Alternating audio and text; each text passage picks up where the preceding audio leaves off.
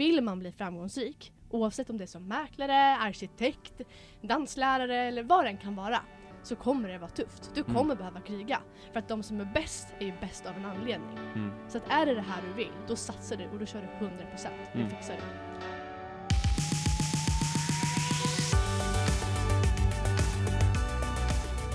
Hörni, superkul! Vi är igång! Va?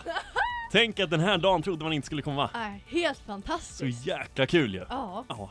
Det här är alltså podcasten Mäklarna, den nakna sanningen med mig, Gustav Hjelmqvist. Och mig, Ebba Thielevoile. Och ni kommer ju få följa oss här under vårt första år som mäklare.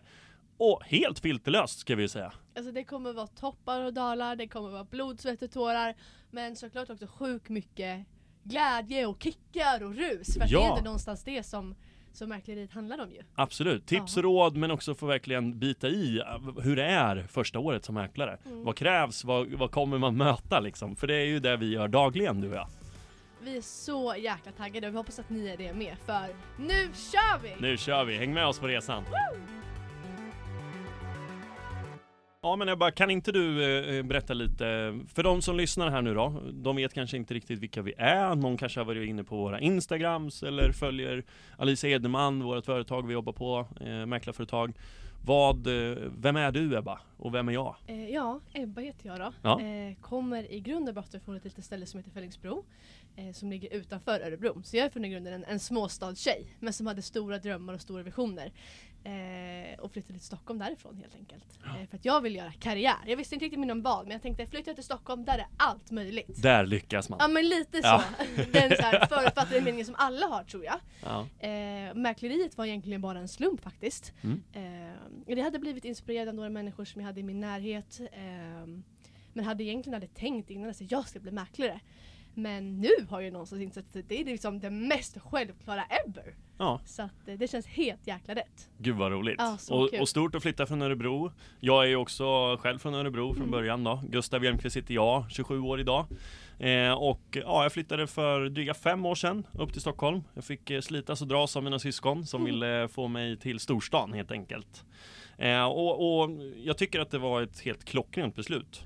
För att det finns en viss gräns i de, här lite mindre städerna eh, där man når och sen så vill man testa på något nytt. Man vill kanske inte ha eh, ja, men det alldagliga, det som hela tiden sker och träffa samma människor. Och då tycker jag Stockholm är en fantastisk stad där man lär känna nytt folk och, och det finns eh, ofantliga möjligheter inom karriären. Mm.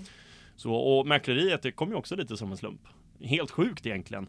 Jag eh, jobbade ju förut med att starta upp gymnasieskolor runt om i Sverige och av en slump, jag har ju min bästa tjejkompis Julia eh, som jobbar på Alice Edelman eh, och ja, vi talades vid, när var det? Det är ett par år sedan och så skrev hon bara äh, nu får du skärpa dig, nu är det dags att bli mäklare. Ja, okej, så ja, Mm. då testar vi. Och bästa valet jag någonsin gjort i hela mitt liv. Och vad bra det blev till Ja, ja men Helt tack. Tack. Ja. Det har ju varit eh, en, en lång resa, Mm. men eh, så värd. Mm. Så värd resa. Och jag tänker vi går in lite på vart vi har varit och ja, hur vi har kommit till dess vi är idag. Mm. Så om jag börjar med mig. Eh, jag började ju på FEI, alltså Företagsekonomiska institutet. Och där var det ju plugg samtidigt som jag jobbade på Alice Edelman.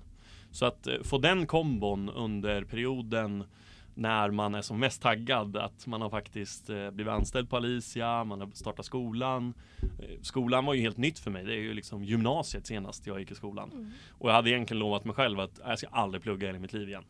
Men eh, ja, sagt och gjort. Jag satte mig ner och körde. Det var ju en uppdragsutbildning så den är lite mer komprimerad och går lite fortare än, än, än om man går på högskola då, till exempel.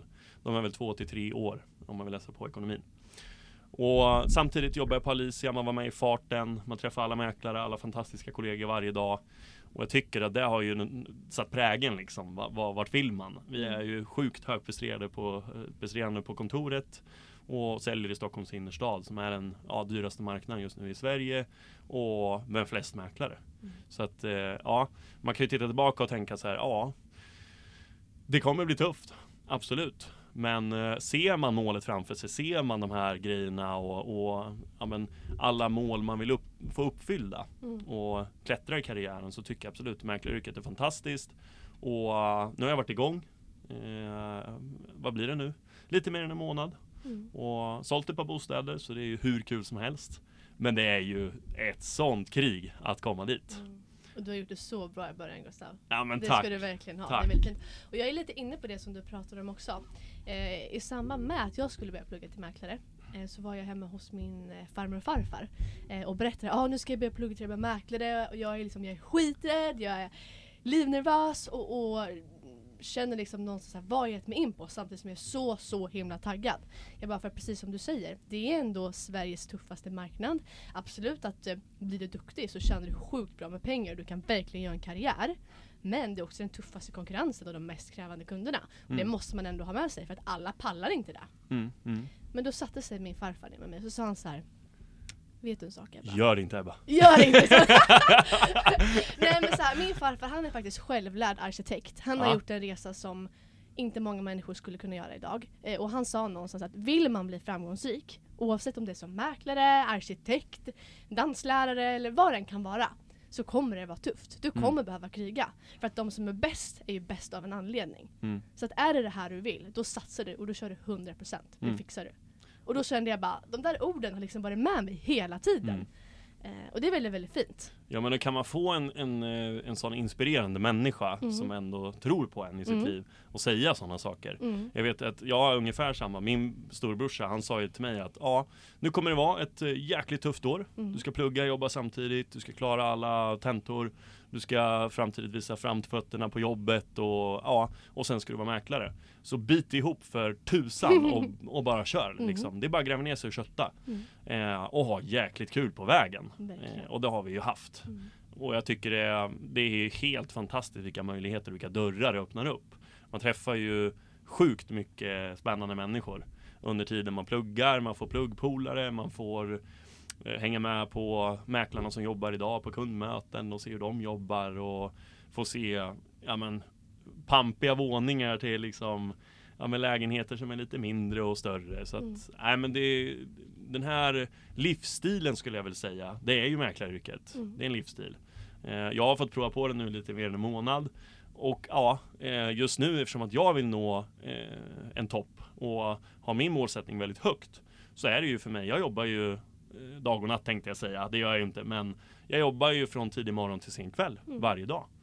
Och jag försöker träffa så många kunder jag bara kan. Mm. Sprida mitt namn, komma ut, göra aktiviteter i, i området där jag säljer och så vidare. Så, så att på något sätt har jag målat upp en bild i ansiktet på mig själv och jag vill ju vara, det jag säljer, någon, en person som faktiskt folk känner igen hela tiden. Man kan träffa på gatan och vinka och säga hej. Där någonstans, den här varma kontakten vill jag ha med, Mm. med kunderna i mitt område. Och det är ju en, en bit att ta sig dit. Ja men det är klart. Och jag tänker också så här för nu har ju vi kanske haft en, eh, jag vet inte om det är en speciell resa men, men vi har ju jobbat mycket i Mm. samband med att vi har pluggat för att FEI är ju mellan 150 till 200 procent studier. Ja, Det är inget CSN vilket gör Nej. att du måste jobba för att få en inkomst annars så blir det jävligt tufft där. Ja, det är ju verkligen så. Verkligen. Eh, och vi båda har haft väldigt, väldigt mycket att göra helt enkelt. Och Ja. det har varit stunder där man varit så shit nu, nu är det tufft på riktigt. Ja, Och det har lagt en jättefin grund för, för den disciplinen som man faktiskt måste ha, den strukturen man måste ha i mäklaryrket. Så det är fantastiskt. Men jag brukar också tänka på det att de studenter som idag pluggar på högskolan, lite vad de kanske har för förväntningar på mäklaryrket kontra de som kanske läser FEI mm. eh, och jobbar samtidigt. För där är man ju ändå med hela tiden, hör hur snacket går, följer med på visningar, följer med på intag. Eh, vad tror du om det? Nej men jag, jag tror att det, det finns absolut eh, skillnader. Men det handlar nog mest om hur man är som person. Men jag tror absolut att jobbar du samtidigt på en arbetsplats, alltså en byrå, där du får följa med och, och liksom ta rygg på dem eh, som faktiskt är extremt duktiga mäklare. Då, då får man också någon liten kick. Du får lite mer inspiration kanske till plugget. Mm. Du får motivation till plugget. Och du får också en, en, ett lugn och trygghet i det du gör hela tiden. Sen tror jag att man kanske har lite mer erfarenhet också om man jobbar samtidigt. För då vet man, vi har ju fått lära oss processen från A till Ö.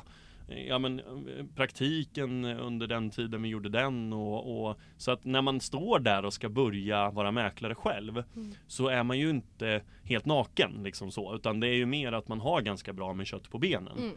Vi har fantastiska mentorer på kontoret som man följer med och, och hjälper till i processen. Så att det är ju inte den här att här har du en dator och här har du en telefon, lycka till i mäklaryrket. Nej, Utan man har ju fått vara med om extremt mycket utbildning och, och, och alla de där aspekterna som är väldigt viktiga tycker jag. För ska man bygga upp en person som man tror väldigt mycket på, då måste man ju mata in utbildning, utbildning, struktur, disciplin. Så, att det sätter sig i ett mindset, för då når man ju top of mind någonstans. Verkligen. Och det är väl någonting som, som jag skulle säga också det, för att eh, mäkleriet är ju någonstans ett ganska praktiskt yrke. Absolut. alltså om man tänker, absolut. det är ju det är liksom ett hantverk. Det är Ja, ja. sälj och det är förhandling och det är massa sådana där saker. Mm.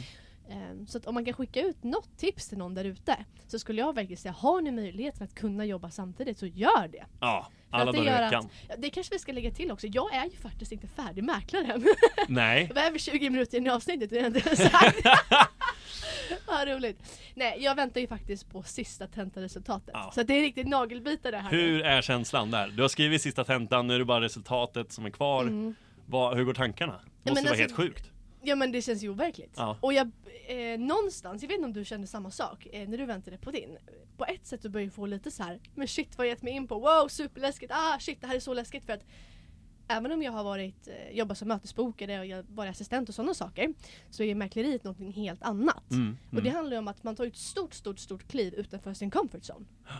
Och det är ju skitläskigt. Absolut, Samtidigt som jag har aldrig varit så taggad på någonting i hela mitt liv. så är det ju. Så att, Du ska ju eh, hem, träffa kunder, hem till deras bostäder, Ja. du ska värdera, eh, förhoppningsvis sälja Mm. och så möter du kanske fyra, fem till Mm, som är, eh, kanske har jobbat i fem år i området, har sålt alla lägenheter i föreningen och det är rekord på rekord på rekord. Så det är ju en sjuk uppförsbacke till att faktiskt bli så väletablerad som man vill bli.